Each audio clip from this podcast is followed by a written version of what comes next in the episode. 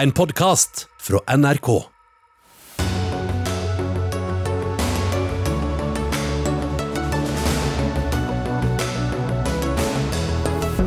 Syke eldre får ikke plass på institusjon og må bo hjemme mot eget ønske. Rystende, mener Pårørendealliansen, men er det også resultatet av villet politikk? Venstreleder Guri Melby mener Norge må ta ansvar for å gi Ukraina våpnene de vil ha. Typisk utspillspolitikk, svarer Arbeiderpartiet. Det blir ikke dyrere lån nå, men renta settes antagelig opp i mars, varsler Norges Bank. Hvorfor ikke bare få det unna? Og Senterpartiets nestleder kritiserte politikere som dro til elitesamling i Davos. Nå er hun der selv. Og det er blant sakene i Dagsnytt 18, hvor vi også skal innom det som ser ut til å bli en veldig kostbar kommuneoppsplitting i Kristiansand. I studio, Sigrid Solund. Kari 90 år, Lilly også 90, begge fra Oslo. Og Sverre 96 fra Karmøy. De tre har brent seg inn i manges bevissthet etter NRK Brennpunkts dokumentar 'Er hjemme best'. Programmet handler om hjemmebasert eldreomsorg. Felles for de tre var at de ønsket seg en sykehjemsplass lenge før de fikk det. Kari Flaten fra Oslo ble sendt hjem etter å ha vært på sykehus og på rehabilitering i en måned. Skal høre litt herfra. Det har alltid vært mye dumpere denne veien, mutter'n.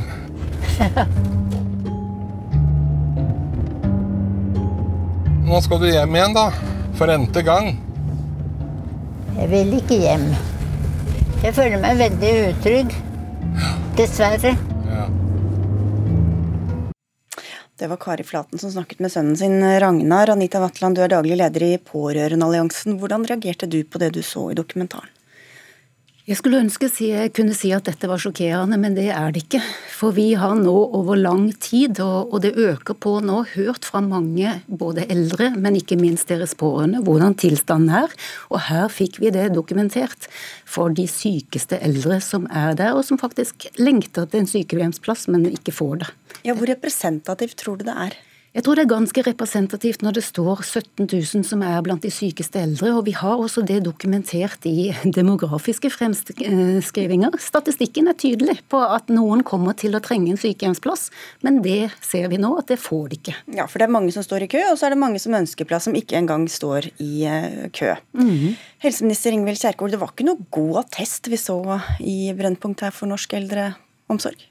Nei, Vi så en del av de utfordringene som finnes ute i tjenesten. Eh, det å ha god nok kompetanse, og det å ha riktig hjelp til riktig tid. Eh, vi så at noen har kanskje fått tildelt hjelp. Eksempelet med hun dama som hadde fått en medisindispenser. Og så klarer man ikke å gjøre seg nytte av den, og det blir bare noe som bidrar til å forsterke en vanskelig situasjon. Så det er jo utrolig viktig at man får riktig hjelp, og at de som trenger en sykehjemsplass, får det. Og Det er jo mange elementer som tas opp her. Det er jo som vi hører at mange ønsker å komme på sykehjem uten å komme på sykehjem, og at mange opplever hjemmetjenester som ikke heller holder mål. At det er veldig mange ulike mennesker inn og ut, f.eks. Men det har jo vært en villet politikk i mange år at eldre, mange eldre, de fleste, skal bo hjemme så lenge som mulig. Har det gått for langt? Eh jeg mener, og det er det brei politisk enighet om, at så lenge man klarer å bo hjem og får tilstrekkelig hjelp og mestring, så vil mange ønske det, og det vil være eh, det som også Ehm, vil være riktig bruk av ressurser. Men når man ikke klarer det, og hjemmesykepleien ikke blir tilstrekkelig, så må det være en institusjonsplass som gir trygghet og pleie og omsorg. Hva er det da uttrykk for at så mange ønsker å komme på, på sykehjem og ikke får det, da? Nei, det var jo litt forskjellige kommuner. Og vi vet jo det at det er stor geografisk variasjon. Det er ulikt eh, hvordan kommunene har satsa. Noen har satsa veldig tungt på hjemmebaserte tjenester. Andre har eh, et større antall institusjonsplasser. Og det som må være målet, er jo at det er mer eh, likeverdig tilbud, og at man får individuell hjelp, fordi at eldre er forskjellige med ulike behov. Vi skal få med representant for kommunene snart, men til dette overordnede, Tone Wilhelmsen Trøen. Du sitter på Stortinget og er helsepolitisk talsperson for Høyre. du var også med i et av kuttene i dokumentaren her og snakket varmt om eldre som skulle kunne bo hjemme så lenge som mulig. For å stille deg det samme spørsmålet, da. Har det gått for langt? Eh, jeg tror ikke det har gått for langt, eh, men vi må gjøre mye mer med det som skjer innenfor husets fire vegger. Altså, vi må gjøre mye mer for å gjøre de hjemmebaserte tjenestene gode nok. Sikre at ikke det er titalls mennesker som kommer inn til sårbare syke. Eh, og Derfor så har jo vi vært opptatt av i regjering nettopp å ta på alvor at vi går inn i en tid hvor vi får stadig flere syke eldre, og at de må møte veldig kompetent hjelp. Men, jo, men det, det, vil jo løse, løse noe av problemet. Det vil jo ikke løse problemet for de som sier at de ikke føler seg trygge hjemme, at de vil på, på institusjon. Ja, og nettopp derfor var det viktig for oss både at det skulle være åpenhet om kriteriene for hva, uh, hva som ligger til grunn for å få en sykehjemsplass, og at det skulle være åpenhet om ventelister. fordi det vi så veldig mange steder, var at du fikk først sykehjems, du fikk innvilget sykehjemsplass når det var ledig plass. Og at ikke det tok hensyn til det behovet den enkelte har, det er utrolig viktig. Og I forrige uke så hadde, en, hadde dere en diskusjon eh, om dette med eh, ventelister, og at ikke det lenger skulle eh, rapporteres inn. Utrolig viktig at regjeringen fortsatt mm. holder på kriterier og ventelister, slik at det er åpenhet om det. Ja, jeg vil gjerne si altså på vegne av tusenvis av pårørende så har det gått for langt. Og jeg kan være ganske sikker på at de snakker på vegne av sine syke eldre, for de står der med den situasjonen i dag. I dag så gjør pårørende halvparten av jobben, og de kommunalt ansatte den andre halvparten. De vet det at det kommer en hjemmetjeneste fire til fem ganger om dagen, men det er ikke nok. De prøver å kompensere så godt de kan. Det er sånn at Kommunene har tatt i bruk pårørende som helsetjenestens bemanningsbyrå, og det ser vi konsekvensene av nå. Så nå må det det ut og faktisk lytte og se og finne ut hvordan det skjer der ute, for å lage tiltak som løser denne situasjonen. Det har blitt et mantra som har tatt, eh, tatt et spor som har gått altfor langt for de sykeste eldre. Vi kan ikke ha sykehjem i hver stue, sånn som det er blitt nå. Sånn som vi får meldinger om. Det går på liv og helse løs, og det går både for de pårørende, for de syke eldre, og ikke minst for de ansatte også som jobber der. Så dette må vi ta tak i nå. I 2011 kom en verdighetsgaranti som bl.a. sier at alle eldre skal få en riktig og forsvarlig tilbud, et variert, tilstrekkelig kosthold, tilpasset hjelp ved måltider, tilby eldre som bor på institusjon enerom, par som ønsker det skal kunne bo sammen. Hva er denne garantien verdt egentlig, Kjerkol? Jeg tror vi også må legge inn at det er, det er også noen som opplever at de blir møtt med forståelse og et godt tilbud. Det får vi virkelig det, håpe. Ja, Men at det er store mangler, og at vi særlig får de her eh, velger å kalle dem ventesonene, ettersom eh, man eh, taper funksjoner og man trenger mer hjelp, så står det ikke en plass klar. Og Det er nok krevende for kommunene å planlegge ut ifra at de skal ha ledig kapasitet når et behov oppstår. Eh, kommunene er nok opptatt av at de skal ha et eh, bredt spekter av tjenester og tilbud liksom på hvert nivå i det som man kaller omsorgstrappa. Og så er det viktig at man har heldøgns pleie og omsorg. Eh, og jeg har jo lyst til å si til den forrige regjeringa som Tone Trøen representerer, det ble ikke lagt fram noen helhetlig plan for eldre i de siste åtte årene. Vi kommer til å legge fram en bo trygt hjemmereform i løpet av våren, hvor vi både skal ha tiltak for at kommunene kan eh, styrke seg på kompetanse i hjemmetjenesten, men òg mm. få bygd ut boligtilbud som er tilpassa eldres behov for helsehjelp. Du skal få svare, Trøen. Vi må få inn kommunene som vi snakker så mye om også. Helge Eide, du er direktør for samfunn, velferd og demokrati i KS. Dere må kanskje ta på dere hodetelefoner her, som er kommunenes interesseorganisasjon. Og det er jo dere som skal tilby disse, disse tilpassede eh, tilbudene og oppfylle denne verdighetsgarantien. Hvorfor skjer ikke det, da? I så mange tilfeller. Jeg tror Hovedutfordringen for eh, kommunene eh, er at eh, behovene er så uendelig mye større enn de reelle mulighetene til å innfri alle disse behovene. Og Den aller største utfordringen allerede i dag det er tilgangen på kvalifisert personell til å gjøre det. Og Den utfordringen vet vi bare blir enda større i årene som, som kommer. Så er det klart at Historier som vi får se nå gjennom NRK, det berører jo oss alle sterkt, enten vi sitter med kommunehatt eller med statlig hatt eller pårørendehatt. og Det viser jo bare at Her er det veldig mange, mange utfordringer å gripe fatt i, både på kapasitet, men også på kompetanse i den kommunale helse- og omsorgstjenesten. Men dette med at så mange flere skal bo hjemme, hvordan har det påvirket muligheten deres til å gi et godt tilbud til de som trenger det? Nå er jo En viktig ting som har skjedd de siste årene, har jo vært villet politikk. Eh, at eh, en større andel av, de helse- og omsorgstjenester som skal gis, skal gis i kommunene for å avlaste sykehusene. En konsekvens av det er jo at eh, de som nå får tjenester i kommunene, er veldig mye sykere enn tidligere og har behov for mer omfattende hjelp. Hvis vi ikke bygger på det prinsippet om at så lenge som mulig, og det er medisinsk forsvarlig form av hjelp i helsetjenesten, så vil omsorgstilbudet bryte fullstendig sammen. Mm. Derfor er det viktig at, at det ligger som en basis, samtidig som det selvsagt skal være sånn at når man har behov for en institusjonsplass, så skal man få det. Eh, så er det like viktig å bygge opp eh, eller bygge ut de ulike trinnene i omsorgsstraffen som helse- og omsorgsministeren snakket om, slik at ikke det er bare hjemmetjeneste Eh, eller institusjonsplass som er tilbud, men f.eks.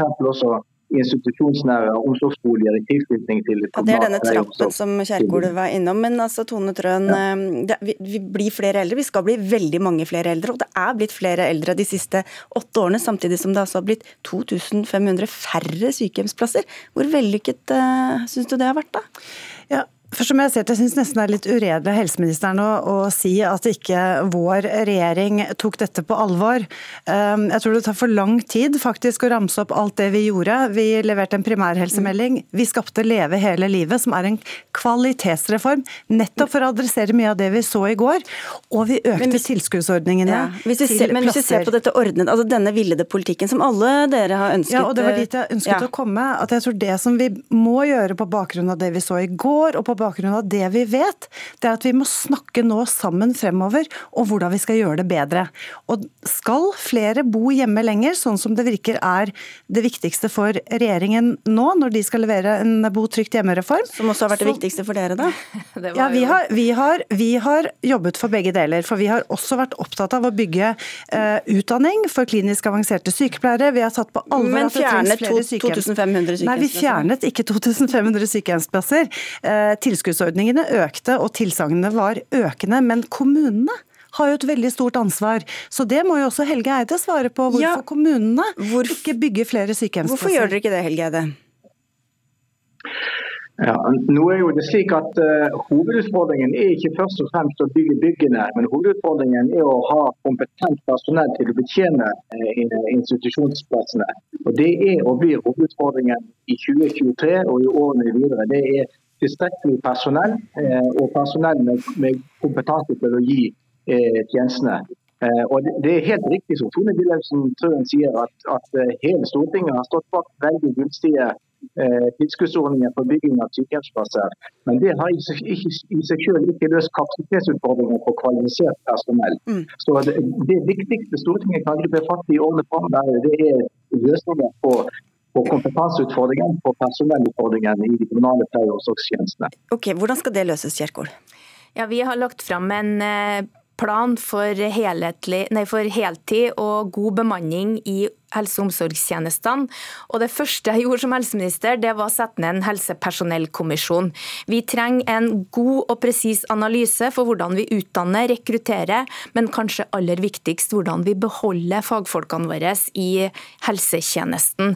Og så må det òg etter tolv år etter eh, samhandlingsreformen, så er det på tide at man ser på virkemidlene der. For det er langt sykere, eh, mange eldre, skrøpelige pasienter som må inn til spesialisthelsetjenesten, mm. og som ikke kan skrives ut til sitt eget hjem uten at det er god kompetanse i kommunen. Og Det er også bakgrunnen for at vi legger fram en nasjonal helse- og samhandlingsplan som ser hele mm. helsetjenesten samla.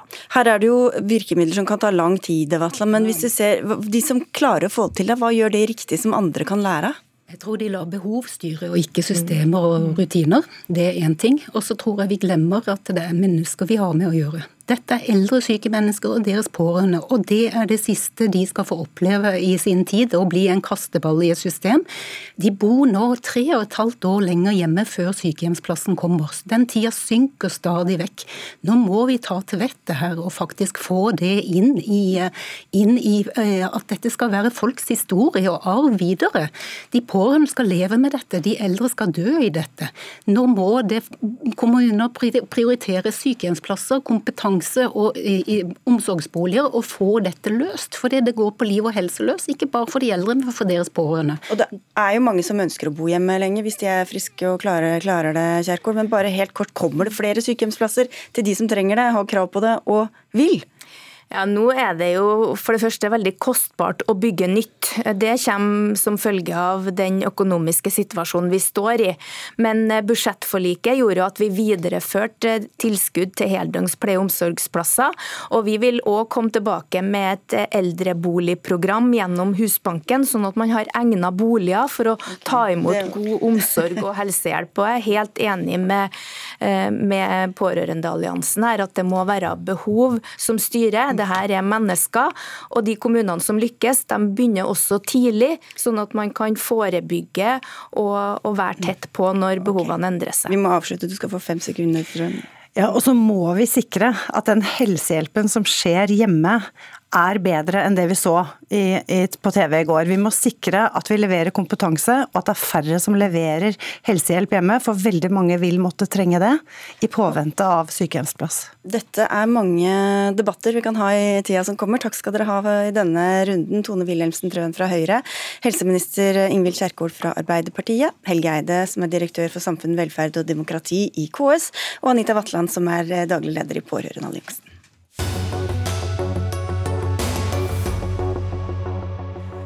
Som økonomene hadde ventet, lot eh, Norges Bank eh, renta bli på stedet hvil under dagens rentemøte. Men samtidig varslet du jo at den skal opp om eh, to måneder, sentralbanksjef Ida Wolden Bakke. Hvorfor ikke bare gjøre det med en gang?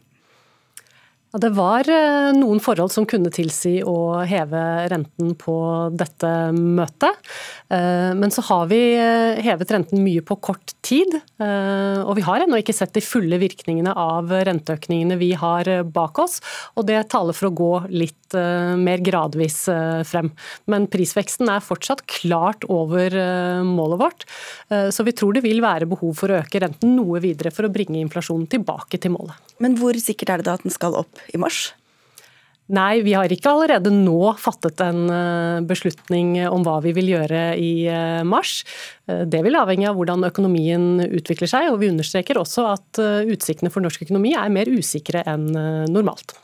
Målet med å øke renta er jo at ikke prisene skal stige enda mer, og at vi skal få en enda dyrere alt mulig. Men det er jo, det er jo sånn at prisstigningen i Norge er jo lavere enn i andre land. Hvorfor har det da likevel vært riktig å heve renta såpass mange ganger? Ja, Nå setter vi renten ut fra forholdene i eh, norsk eh, økonomi. Eh, og selv om prisveksten er lavere enn i, i, noen andre land, så er den fortsatt klart over målet vårt. Prisveksten er nå om lag 6 Og vi tror det vil være behov for å øke renten noe videre for å bringe inflasjonen tilbake til målet. Hva hjelper det når mye av prisene er eh, høye strømpriser eller eh, dyre importvarer som, som, som uansett ikke påvirker eh, det du snakker om nå? Det er eh, slik at eh, en del av den prisstigningen vi ser, skyldes forhold som Norges Bank ikke kan påvirke med renten. Energiprisen er et eksempel på det. Eh, men det er ikke bare energiprisene eller prisene på importerte varer som stiger. Det er prisene på mange varer og tjenester som stiger raskt, også på det vi produserer her hjemme. Og så har det kommet misnøye bl.a. fra LO om at man ikke trenger å heve renta så mye fordi eh, partene i arbeidslivet uansett er så ansvarlige at de ikke vil gå med på, på lønnsoppgjør som kommer til å føre til en sånn økt, økt lønns- og prisspiral. Hvorfor stoler du ikke på det? Jo, vi har ansvarlige parter i eh, arbeidslivet i eh, Norge eh, som vi har tillit til.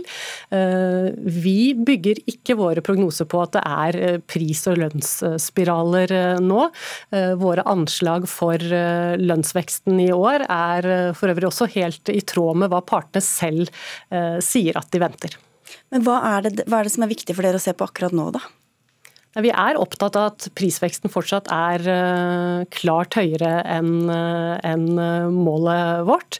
Og det er slik at dersom man strammer til pengepolitikken for lite, altså hever renten for lite, så er det en risiko at prisveksten holder seg høy lenger, og at husholdninger og bedrifter begynner å venne seg til at prisveksten er høy, og planlegge for det når de setter priser og avtaler lønninger. Og da kan det bli vanskeligere å få prisveksten ned igjen. Det kan kreve enda kraftigere lut i pengepolitikken på et senere tidspunkt, og det ønsker vi å unngå.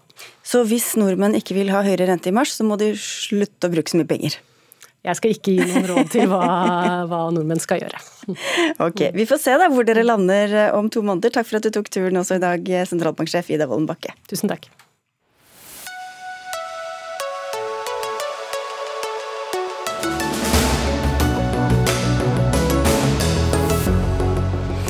På Verdens økonomiske forum i Davos, der møtes den politiske og økonomiske makteliten denne uka til å diskutere og sosialisere. Nytt av året er at også utviklingsminister Anne Beate Tvinnereim fra Senterpartiet har tatt turen til den sveitsiske alpelandsbyen. Det fikk deg til å skrive at ja, litt globalisme er visst greit likevel, Kjetil B. Alstaheim, politisk redaktør i Aftenposten og med direkte fra Davos. Hva var det du mente med det? Nei, jeg skrev en liten skildring om uh, hva hun gjør her nede, og hva Senterpartiet sa uh, før valget om uh, den type samlinger. Da var det jo litt raljering både fra Anne Beate Tvinnereim og fra Trygve Slagsvold Vedum med dette møtet i Davos og med sånne eliteseminarer og mingling med eliten. Og Vedum skulle ha strenge regler for den slags. Og så har de fått makt, og så, så er hun her. Så det var noe med liv og lære osv.?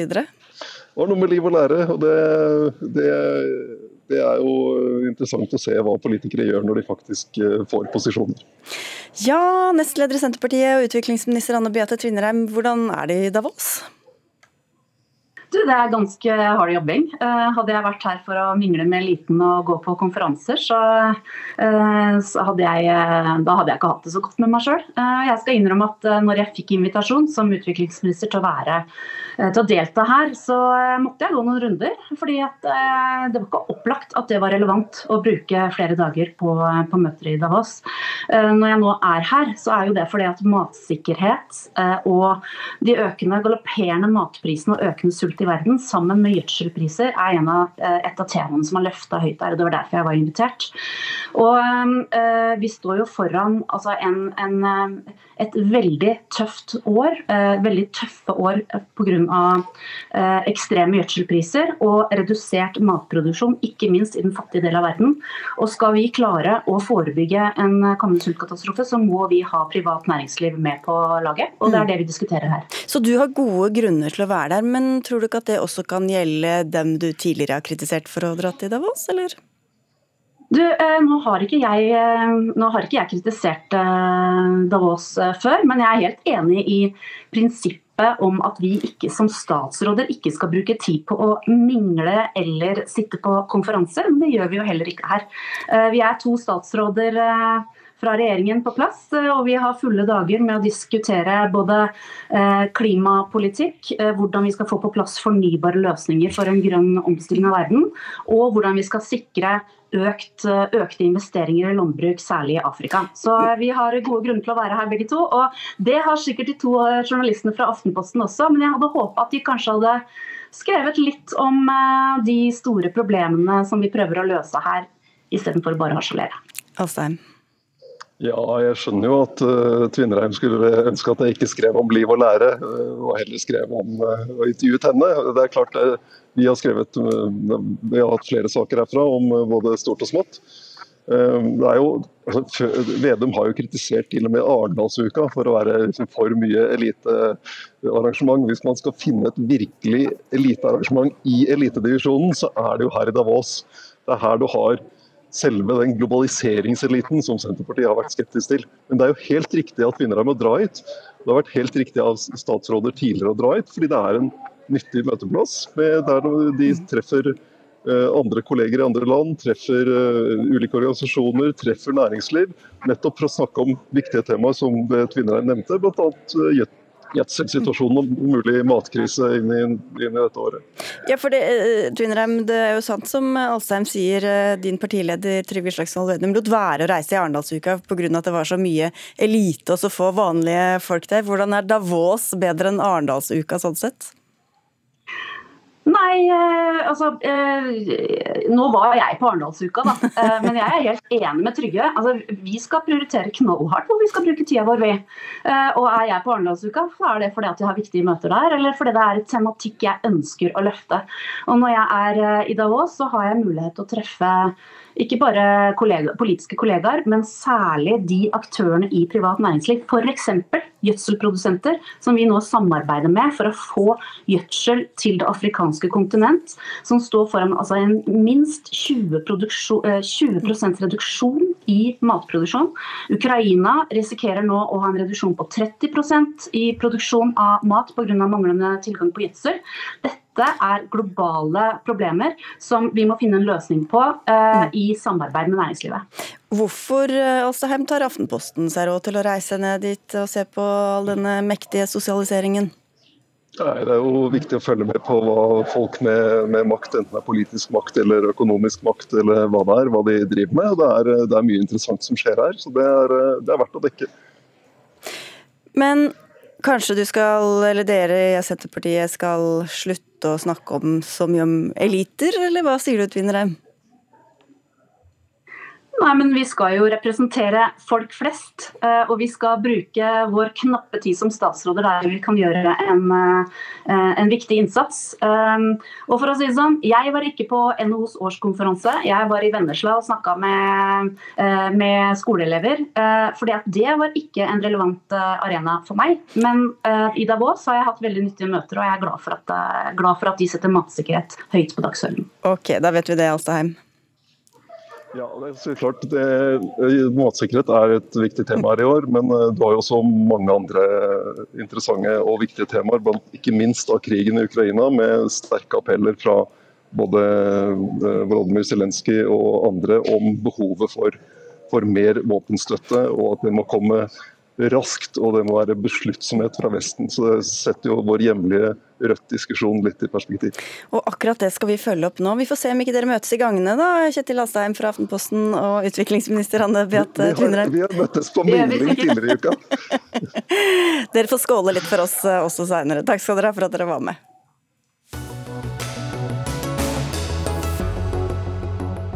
Ja, for Noe av det de har diskutert nettopp i Davos, altså er hva slags våpen Ukraina bør få for å kunne fortsatt forsvare seg mot Russland. I dag ble det bekreftet at svenske myndigheter sender rundt 50 stormpanservogner til Ukraina. Nå må vi også skru opp våpenhjelpen, sier du til VG i dag, Venstre-leder Guri Melby. Du sitter også i utenriks- og forsvarskomiteen på Stortinget. Hva er det vi skal skru opp? Jeg oppfatter vel at både Nato-sjefen Jens Stoltenberg og ikke minst ukrainerne sjøl eh, ber om et slags linjeskifte eller taktskifte fra Vesten. At man både trenger å levere flere våpen raskere, og ikke minst tyngre våpen som gjør Ukraina i stand til å i større grad slå tilbake mot de offensivene som Russland har hatt på deres områder. Da. Fram til nå så har vi jo stort sett levert Eh, våpensystemer som gjør at Ukraina er i stand til å forsvare seg sjøl, som har vært kjempeviktig i den fasen vi har vært i nå. Men vi ser jo nå at Russland er i gang med en stor offensiv, at de har tatt kontroll over flere områder. Da trenger Ukraina våpen for å kunne ta tilbake de områdene. Da er jo stridsvogna et viktig verktøy for å få til det. Og vi ønsker å sende et tydelig signal om at Norge skal bidra til det. Enten gjennom egne donasjoner, eller at vi bidrar i et europeisk fellesskap og sikrer at det når fram til Ukraina på den måten. Altså kjøpe nye stridsvogner for å sende til Ukraina? Altså, eh, altså det her vil jo være viktig at vi er koordinert i Europa. Det er ikke noe poeng at alle land sender sine stridsvogner, sånn at man har mange forskjellige systemer å forholde seg til. Men jeg ønsker at Norge skal ta en tydelig rolle i å si at vi skal sende det her. Om det betyr at Norge skal donere direkte, eller om det betyr at vi bidra finansielt, slik at andre land donerer, det er vurderinger som jeg mener andre bør ta. Men det at vi er tydelige på at dette kan vi sende, og dette skal Norge bidra til, det mener jeg vi bør gjøre nå. Ja, Åsmund Akrust, du sitter også i utenriks- og forsvarskomiteen for Arbeiderpartiet. Er det på tide å skru opp? Ja, Eh, det er eh, riktig at vi skal sende mer våpen til Ukraina. Det er det Ukraina trenger aller mest. Det siste året, siden 24.2, er det jo sendt eh, veldig mye våpen inn til Ukraina. Uten at de hadde fått utenlandsk våpen, så hadde jo ikke de klart å forsvare seg. Og I det året vi skal inn i nå, krigens andre år, kommer jo til å bli enda mer krevende. og Derfor kommer vi til å sende mer våpen.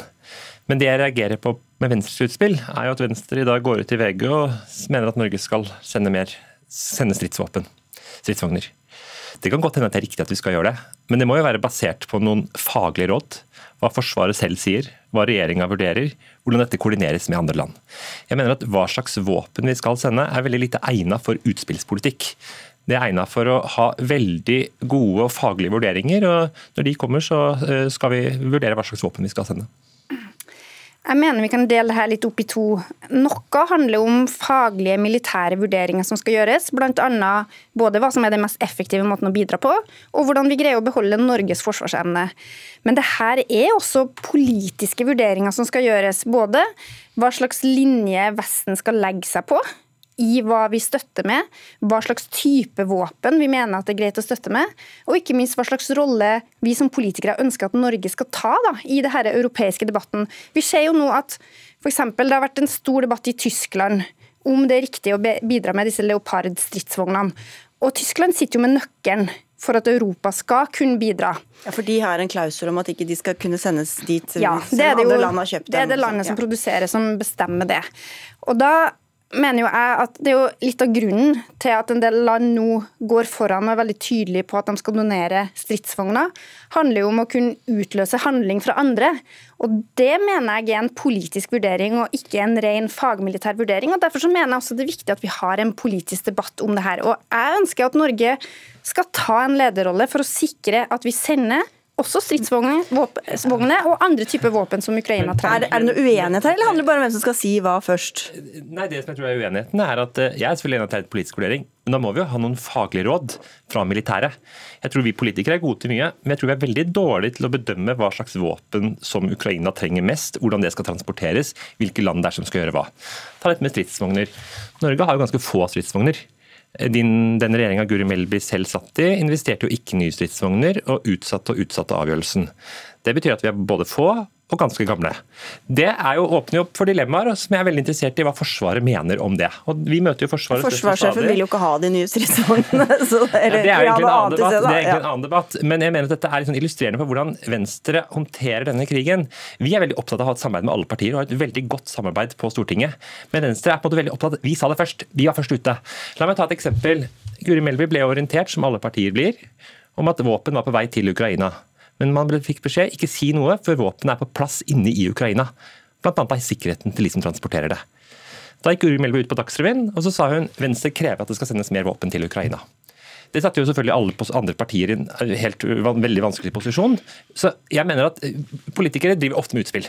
Og litt enkle utspill. og av og til misforstår hverandre mye. Jeg mener at krigen i Ukraina, hva slags våpen vi skal sende, er altfor alvorlig til å gjøre det. For det første, det her er en usann påstand som både Arbeiderpartiet og Åsmund Aukrust har gjentatt gang på gang. Den kan jeg svare ut grundig skriftlig på et annet vis som egner seg bedre enn dette formatet. Poenget er at dette er politiske beslutninger som jeg og Venstre mener at vi bør ha en politisk debatt om. Det er jo ikke fagmilitære som skal bestemme hva slags rolle Norge skal ta i internasjonale fora. Venstre har ikke sagt hva vi skal donere, hvor mange stykker. hva, er egentlig, hva er egentlig forskjellen da på det, på det Aukrust sier og Nei, det du sier? Jeg, altså, jeg syns det er kjempebra at Åsmund Aukrust sier at han er enig i at vi bør vurdere det. Det er egentlig alt jeg ønsker å høre fra regjeringa. Så hvorfor de angriper Venstre, det forstår ikke jeg helt. Men, men, det er jo ikke men, det som skjer, jo, men, det er du som angriper regjeringa for å være jeg, for seint ute hele tiden, er det du pleier å si? Det Venstre har gått ut med i dag, er ikke et angrep på regjeringa. Det Venstre har gått ut med, er at vi ber regjeringa om å støtte europeiske stridsvogndonasjoner. Jeg har ikke sagt at regjeringa har gjort noe feil. Jeg har sendt et tydelig politisk signal om hva Venstre mener om å donere stridsvogner. Jeg tenker at Hvis jeg hadde sittet i regjering, så hadde jeg syntes det var veldig fint å få den type avklaringer. Vi vet, altså Bare den siste uka har det jo vært mye debatt i det mm. politiske Norge om hva slags type donasjoner vi skal gi. Mm, så det at politiske partier signaliserer hva man mener om det, det må jo være sunt for debatten. De signalene får vi fra alle politiske partier. Det som er Forskjellen på Venstre og de andre partiene er at de er veldig opptatt av å markere seg sjøl. I dag kom det et forslag til Venstre i Stortinget hvor de foreslo at vi skulle ha et eget program for støtte til Ukraina. Så sa Guri Melby på talerstolen nå håper jeg de partiene som er for det som er for, og de som er mot, som er mot. Ingen partier stemte for det, bortsett fra Venstre sjøl. Det betyr ikke at Venstre, Kristelig Folkeparti, Høyre, Fremskrittspartiet er mot det, men det betyr at de, de vet, de er med på møter med statsministeren, som skal ta initiativ til et storstilt program for Ukraina. Okay. Og der håper jeg at vi kan stå sammen. men bare helt til, for bare Et siste spørsmål om selve saken, Guri Melby. Mm. Norge er jo et lite land, nabo til eh, Russland. Kunne potensielt ha spilt en rolle i et eh, forhåpentlig forsoningsarbeid etter hvert. Hvorfor skal Norge være de som presser på internasjonalt?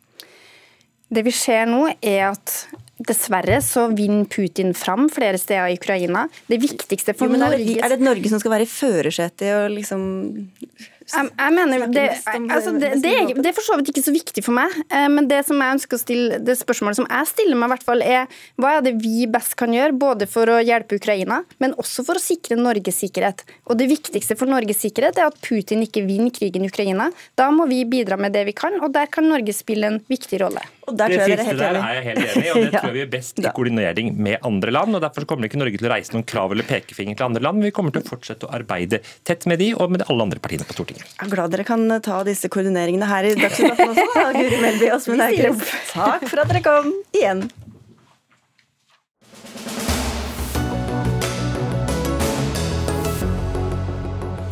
Det er storstreik i Frankrike. Folk har tatt til gatene for å protestere mot president Emmanuel Macrons forslag om å heve pensjonsalderen fra 62 til 64 år innen 2030. Og Det virker kanskje litt rart å protestere mot dette for, en nordmann, eller for nordmenn, Marte Mangset. Du er førsteamanuensis ved Senter for profesjonsstudier ved Oslo OsloMet. Hvorfor skaper dette så store protester? Nei, Det skal man, kunne man spurt seg om. Det er jo lav alder i forhold til norsk og mange andre europeiske land. Men de har jo for det første hatt ganske lav alder, så det er en økning. Og så det Hovedargumentet til de som er veldig negative, er jo at det slår skeivt ut. sånn at Det er noen sosiale grupper, de som har hatt de tyngste jobbene, de jobbene hvor man eh, svekkes mest helsemessig, og de som altså har lavest forventet levealder, som kommer dårlig ut. Så målet er liksom at man skal kunne ha en del gode år igjen idet man går av med pensjon. Og da er det veldig forskjell på om man har sittet på et kontor og er i middelklassen og har liksom et godt liv og forventet levealder på 78 år, eller om man har jobbet i et veldig hardt yrke og, og skal dø ti år tidligere. Og så sier du at det også handler om litt om misnøye med Macrons politikk eh, utover bare dette? Ja, altså eh, Frankrike er rett og slett et ganske, ganske autoritært politisk system. sånn at eh, F.eks. valgsystemet gjør at eh, de som får eh, regjeringsmakten og presidentmakten, har veldig ofte liksom en veldig massiv makt over systemet. og Det er vanskelig å få liksom utløp for protester. og Ikke minst er parlamentet veldig svakt, og ikke samme arena for politisk debatt og maktutøvelse som i Norge. Sånn at det å gå til gatene og gjennom denne type protester mot reformer og lignende, er liksom en måte å uttrykke sin kritikk av Macron på mer generelt. Korrespondent Simen Ekern eh, i eh, Paris, hvor du har fulgt demonstrasjonene i hele dag. Er det mange som har tatt i gatene? Ja, det er eh, mange som har tatt i gatene. 400 000 i Paris eh, bare, sier man. Eh, sto ved siden av demonstrasjonene litt tidligere i ettermiddag og så, og det tok en evighet før alle hadde passert. Så det er mange som har dukket opp. Og hva er det ved denne pensjonsreformen som hisser opp så mange? Nei, Man mener jo rett og slett at den er brutal, at det er en rett i Frankrike å ha det pensjonssystemet man har, og at det nærmest er et eh, angrep på hva det vil si å være fransk, får jeg inntrykk av når jeg spør eh, folk eh, i dag. Så det går stikker ganske dypt. Og så er det selvfølgelig også kombinert, som vi hørte, med en, en generell motvilje mot det politiske prosjektet til Emmanuel Macron, og det benytter jo venstresiden seg av, som har vært svært delaktig i, i av denne demonstrasjonen i dag. Så det er jo en politisk kamp også, men for mange en slags eksistensiell kamp. En, en, en kamp for å uh, få retten til å ha et godt liv uh, noen år uh, når man er ferdig med arbeidslivet. Og det er ikke første gang franskmenn demonstrerer mot pensjonssystemet og forslag til endringer der, Mangset. For det er jo også, også som i Norge, for så vidt, det er ulike aldersgrenser i, i ulike sektorer. Hvor rettferdig og godt er det dette systemet de har? De har jo hatt et eh, system av det de kaller spesialregimer, hvor noen yrker har hatt veldig lav pensjonsalder. Sånn som eh, lokførere og deler av transportsektoren har hatt pensjon nede i 54 år f.eks. Eller 57, litt avhengig av hvor krevende man har regnet det som. Og det handler om at man skal eh, i de yrkene hvor man vet at jobben er spesiell hard, og også fordi at det er yrker som krever nattarbeid, skiftarbeid, helgearbeid osv., så, videre, så skal man liksom belønnes med til gjengjeld å få lov å gå av med pensjon veldig tidlig. Og Macron har jo i flere år snakket om at han vil eh, bli kvitt disse spesialregimene og få et mer generelt pensjonssystem. Og Det er jo fordi de står overfor akkurat som oss i Norge. altså Aldrende befolkning, økt levealder og eh, færre ansatte til å, altså færre arbeidstakere til å finansiere pensjonistene. Så De må liksom gjøre noe, og det å få liksom disse spesialregimene ut eh, og få en mer generell høyere eh, pensjonsalder har vært veldig viktig for flere, men særlig for Macron da, i det siste. Og det er det nok i og for seg en del som aksepterer, at noe justering av det trenger man, men det er fortsatt en for usosial profil, er det mange som mener. Det er liksom at man kaster babyen ut med badevannet. Det å forsvare noen grupper som har det spesielt tøft i arbeidslivet, det burde man fortsette med. Hvem, Simen, utover Macron selv, er det som ønsker denne reformen velkommen, da? Politisk så har han jo støtte fra eh, det konservative partiet, fra republikanerne, mens eh, venstresiden og ytre venstre, eh, i tillegg til ytre høyre, har vært mot. Men det betyr ikke at ikke det holder. Det var en nokså en president full av selvtillit, virket det som, som sendte melding fra eh, Barcelona, der han har vært i dag, sammen med en del eh, ministre. og Han sa arbeidet med pensjonsreformen går eh, videre.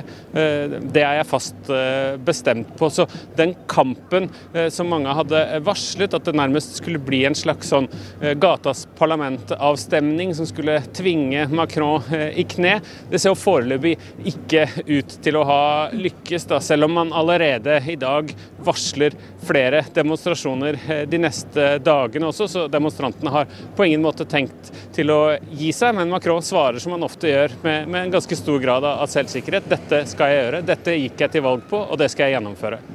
Det er jo åtte av de største fagforbundene som arrangerer eh, streiken. Eh, Mangset. Hva slags posisjon har fagforeningene i Frankrike?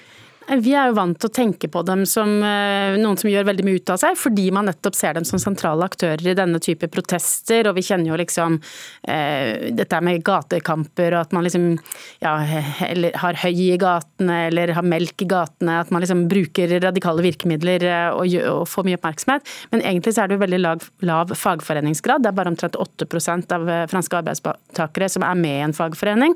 Så de har ganske lite tyngde sånn sett. og de involveres lite i liksom, politikkmakingen i forkant. Det er lite av den type arbeid som du ser i Norge, hvor du har eh, fag, eh, altså, arbeidstakerforeninger, arbeidsgiverforeninger og myndighetene som sammen jobber fram kompromisser, som de da har veldig stor støtte for. I Frankrike er det mer vanlig at eh, regjeringen og presidenten eh, lager i stand en reform, kjører fram den, og så får du protest fra fagforeningene. Men der hvor de likevel har en viktig rolle, er at de tar på en måte et ansvar for folk langt utover sine egne medlemmer da, i å kanalisere protest, i å organisere politisk motstand. Og det er de nok anerkjent for. Så det er mange som er med og protesterer i dag, som ikke nødvendigvis er medlemmer i en fagforening, men som syns de er legitime aktører i å organisere denne type protest. Og selv om Macron ikke får noe flertall, så kan han trumfe det gjennom uansett? Det kan han. Med denne 49-3-loven i grunnloven i Frankrike, så kan han eh, trumfe det gjennom, ja. Vi får se. Takk skal dere ha, i hvert fall begge to. Simen Ekern med fra Paris, og Marte Mangseth, eh, førsteamanuensis ved Senter for profesjonsstudier ved Oslo OsloMet.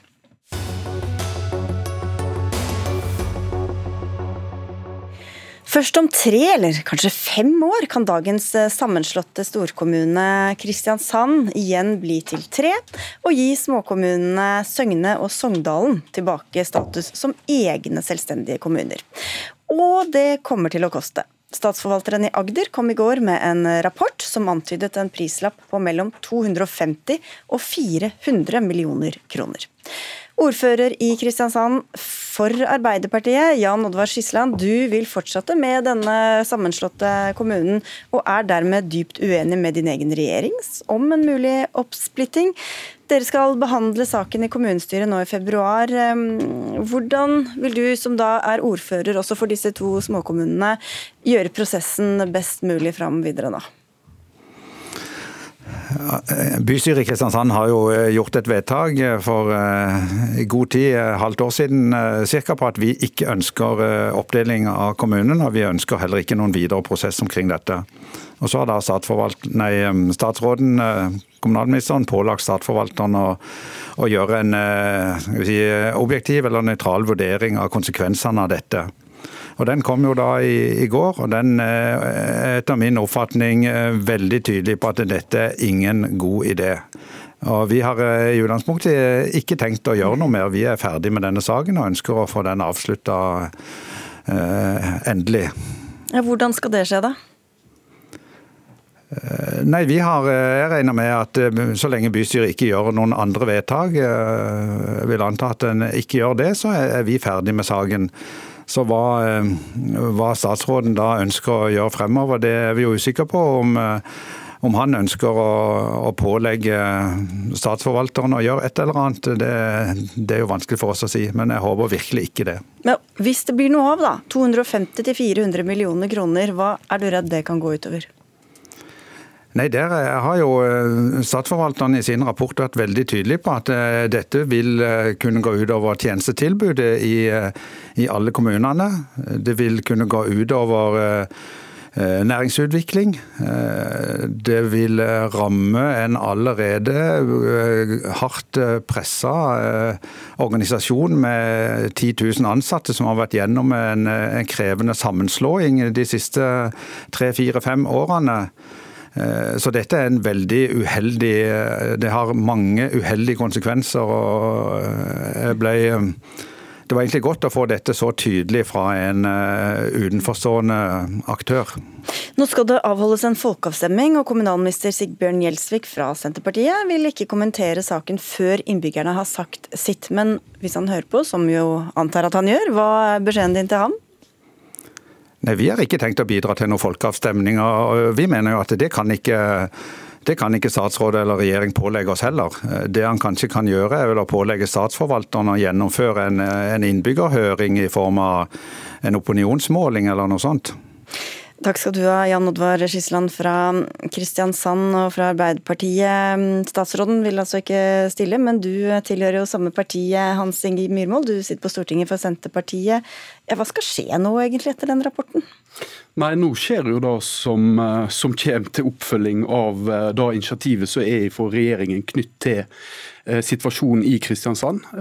De har bedt statsforvalteren eh, greie ut de forhold som dette anligger i å gjenreise, potensielt gjenreise Søgne og Sogndalen eh, kommuner.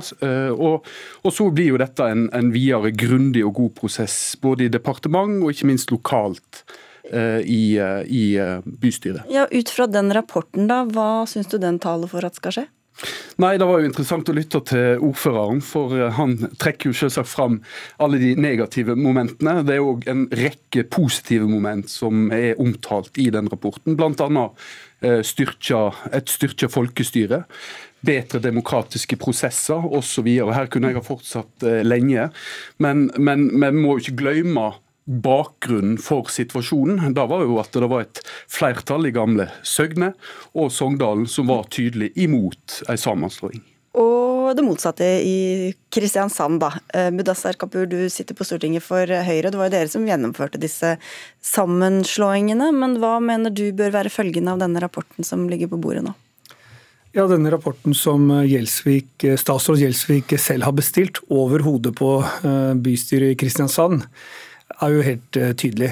Den slår fast at dette vil koste hundrevis av millioner kroner, gå utover tjenestetilbudet, eh, sette tilbake Kristiansands utvikling, og ikke minst så vil dette også medføre at innbyggerne i Søgne og Sogndal vil få økte gebyrer og avgifter. Så jeg tror at det viktigste eh, denne statsråden nå kan gjøre, som er opptatt av å lytte til lokaldemokratiet, det er egentlig nå å legge fra seg dette prestisjeprosjektet og la Kristiansand få lov til å utvikle seg videre.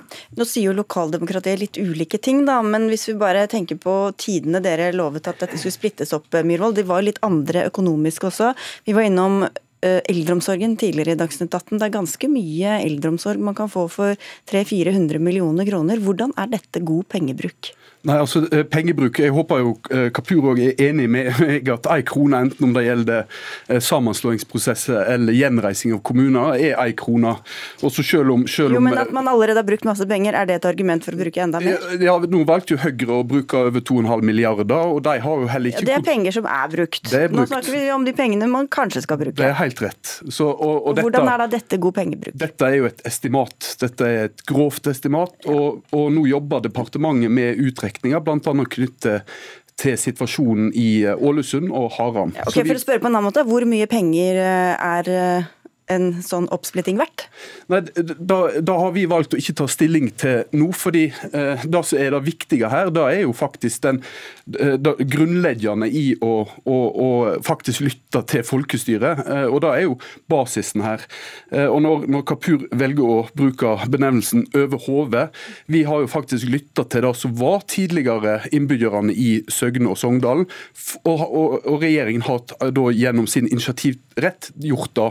Og jeg mener mener at det er på langt nær ikke over noe uh, hode. Det er faktisk å lytte til folk. Ja, eh, for det var jo dere som overkjørte Søgne og Sogndalen og satte dem i dette uføret i utgangspunktet, Kapur? Uh, nei, det var ikke noe overkjøring. Det var faktisk slik at Før den sammenslåingen så var det en rekke grundige prosesser. Det var vedtak i de tre kommunestyrene. Det var én kommune som var imot, mens to var for. og Da valgte man å gjennomføre den reformen. 96% av de som bor i sammenslåtte kommuner i dag, bor i kommuner som er sammenslått frivillig. Nå har jo den nye kommunen gått videre. De utvikler gode tjenester, og de har jo sagt rett ut at når statsråd Gjelsvik og Jonas Gahr Støre nå har overkjørt lokaldemokratiet på den måten, så vil de nå måtte bruke ressurser og penger på å reversere og oppsplitte, istedenfor å levere gode tjenester. Og hvis dere ikke vil lytte til meg, for jeg er en politisk motstander, det er i orden. Men vær så snill og lytt til, de politi altså til den politiske bestilte fagrapporten ditt, din egen statsråd har bestilt. Der står det svart på hvitt at dette kommer til å koste hundrevis av millioner kroner, gå utover tjenestetilbudet. Og det vil også sette livene på vent, både for de ansatte og for mange innbyggerne. Her er det snakk om fire til seks år med gjennomføring, hvis det blir gjennomført. Så det er ikke for sent å snu. Jeg skulle ønske Gjelsvik var her og kunne kommentert den rapporten han har bestilt selv. Selv om jeg vet at men, statsråden har vist litt anstrengt forhold til fagrapporter. Men, det er jo veldig spesielt å lytte til. for Jeg, jeg kan jo stille samme spørsmål til Kapur i forhold til nettopp kostnadsbruken og, og, og det som ble gjort. Det. Eh, og, det, det, eh, og da, da, han kan svare på akkurat der, er at de har faktisk ikke oversikt på hvor mye penger Høyre valgte å bruke på å slå, eh, tvangssammenslå og, og slå sammen kommuner. Har dere oversikt over det, Kapur? Det, det finnes gode oversikter over hva reformen kostet totalt. Det finnes også gode oversikter hva de kommunene som gjennomførte reformen, fikk i tilskudd for å gjennomføre reformen. Det står ja, men det er jo skattepenger uansett. Hvor mye penger brukte dere på denne sammenslåingen? da? Denne sammenslåingen, Jeg har et brev fra disse tre kommunene. Der var det vel om lag 150-60 millioner kroner som ble brukt til sammenslåingen. Og så tror jeg det lå an til at de fikk 70-80 kompensert uten at jeg skal bli arrestert på krona her. Okay, men det er, det er penger, det òg, da. Mitt poeng, eh, statsrådsprogramleder, er at det er jo en stor forskjell på å bruke penger på å splitte opp og ta ting tilbake, og man vet at man får dårlige tjenester. Og det å bruke penger på å slå okay. kommunene sammen og gjøre dem klar til å møte morgendagens utfordringer og levere Men bedre tjenester. Problemet her er her jo er at folk vil forskjellige ting, da. Er, alt er jo avhengig av hvem man lytter til, Myhrvold. Hva, og ja. hva skal til for at dere likevel ikke ikke splitter opp disse Nei, og Det er jo viktig. Denne prosessen nå skal jo uh, Dette er jo et demokrati. En demokratisk prosess, og nå skal jo selvsagt både folket, uh, de folkevalgte, Uh, høyrest. Og så, så, tenker jeg, ja, Det er ja, forskjell på Høyre og Senterpartiet. for den politiske... Ja, men du svarte ikke på det. Hva skal ja. til for at, Hvem skal si hva for at dere likevel ikke vil splitte opp? Eh, nei, eh, altså... Jo, altså når, du, hvor, hvor, altså, nå viste Kapur til, til liksom den totale befolkningen i hele, hele fylket. Ja. Og så sier dere at dere vil Nei, ikke fylket, men kommunen. Så sier dere at dere vil lytte til de små. Hvorfor det? Hva, hvorfor lytte til noen og ikke til andre? Nei, og Den modellen som Kapur legger fram der, er jo selvsagt at når du da har f.eks. en større kommune som Kristiansand, og legger sammen folketallet, så vil jo selvsagt et volum der av innbyggere da eh, vekta i, i, retning Høyre sine prinsipper. Og da er jo Den politiske valutaen som, som, Høyre har, de ser jo på kommunene som et styringsverktøy, i motsetning til oss i Senterpartiet. som... Du svarer ikke helt på spørsmålet. Ja, men som, som ser jo på og Det grunnleggende her da er nå har vi fått en utredning på plass. Det er et eh, estimat som er lagt på bordet i forhold til kostnader. Det blir jobba i departementet knyttet til detaljerte utrekninger. Så går prosessen videre nå. Både bystyret, ordfører og kollegiet hans, ikke minst, og, og lytter til folk. Og Så skal vi ta stilling til. Vi har allerede lagt inn i statsbudsjettet ramme for dette, og vil òg sørge for å ha forplikta at disse kostnadene vil bli dekka. Og når man først har satt i gang en sånn prosess, så vil det være litt rart å bare stanse den midt i? Nei, altså Det er jo ikke kommunen som har satt i gang en slik prosess. Dette er jo uh, regjeringen som har satt i gang en slik prosess uten at kommunen har bedt om det. Og de har bedt om en fagrapport. Den har de fått. Den slår fast at dette kan koste opp mot 400 millioner kroner og gå utover tjenestetilbudet. Hvis regjeringen mener at det er en god idé, så må de gjerne fortsette med det. Men jeg tror at innbyggerne i Kristiansand og lokalpolitikerne, som da er demokratisk valgte av innbyggerne i kommunen, mener at dette er en dårlig idé. Men det var en okay. god idé da å bruke omtrent 200 millioner på Eh, slå sammen eh, for kort tid siden. Da fikk du sagt det. Politisk kommentator i NRK Lars Nehru Sand, du har skrevet om dette på Ytring eh, i NRK, altså, om den dyre skilsmissen, som du kaller det. Men denne rapporten da, den leses jo litt ulikt avhengig av hvem som leser den. Hvor tydelig er den på å gi råd her? Men den skal ikke konkludere, og den gjør heller ikke det. og det jo, eh, Derfor kan den utmerket godt leses sånn som du, du selv vil. Men det er en, en ganske klar advarsel eh, som jeg syns er verdt å, å, legge merke til, på hvilken risiko man løper. Altså Hva er det ukjente her? Det er noen kjente fordeler, det er noen kjente ulemper. Begge deler ganske greit eh, antatt på forhånd, nå er det dokumentert. Men den risikoen man løper, både økonomisk og hva dette koster, som man sier økonomisk og menneskelig, det er statsforvalteren veldig tydelig på. at Her går man ut i, i et ukjent terreng hvis man uh, velger å, å, eh, splitte opp de, de tre kommunene. Og um, Det syns jeg er tydelig fra statsforvalterens side, i tillegg til at selvfølgelig de som er mot å dele opp, vil si at ulempen, summen av ulempene og det ukjente er større enn fordelen. Men hva skal til da for at eh, kommunen bare beholdes sånn som den er i dag? Nå er jo det, vi, det jeg synes det er grunn til å etterlyse, er jo en eh, statlig garanti for at lokalpolitikerne og innbyggerne i Kristiansand får dekt den summen dette måtte koste, uansett hvor mye det måtte være, eh, fra regjeringens side. Og Det er jo der dette går fra å være en god sak for Senterpartiet, som vil lytte til befolkningen, til å bli en, en sak det kan være vanskelig å drive valgkamp på, nemlig at Senterpartiet, uansett hvor mye dette vil koste, vil bruke et eh, knapt handlingsrom i offentlige budsjetter eh, til å gjennomføre eh, denne prosessen. Og Hvis eh, Skisland har rett i at kommune eller bystyret fortsatt ikke vil ha gjennomføre en folkeavstemning, så kan den folke- eh, eller innbyggerhøringen hvis det blir en opinionsundersøkelse, så kan det bli 51% overvekt og 2% feilmargin. Altså det kan bli et råd fra folket som egentlig ikke sier politikerne noe, som igjen setter regjeringen, som starta dette ballet, eh, i en veldig krevende situasjon. Og Derfor er dette dyrt for Senterpartiet penger, men det kan også bli dyrt for Senterpartiet i eh, politisk kapital. Og Støre har gitt Vedum et løfte som jeg antar at Støre må holde.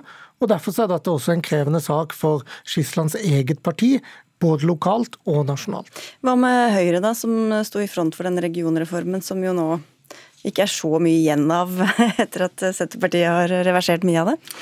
Nei, men det, du kan si Kommunereformen til Høyre har jo tross alt overlevd ganske bra. Det det sammenslåingen utenfor Ålesund, hvor Haram ønsker, ønsker å skilles ut, og det er denne i, i sør, eh, som er pågående prosesser, og de er spesielle. På fylkesnivå så har du rett i at det ser veldig annerledes ut, med både Viken, eh, Telemark og Vestfold og Troms og Finnmark som, eh, som skal, skal, splittes.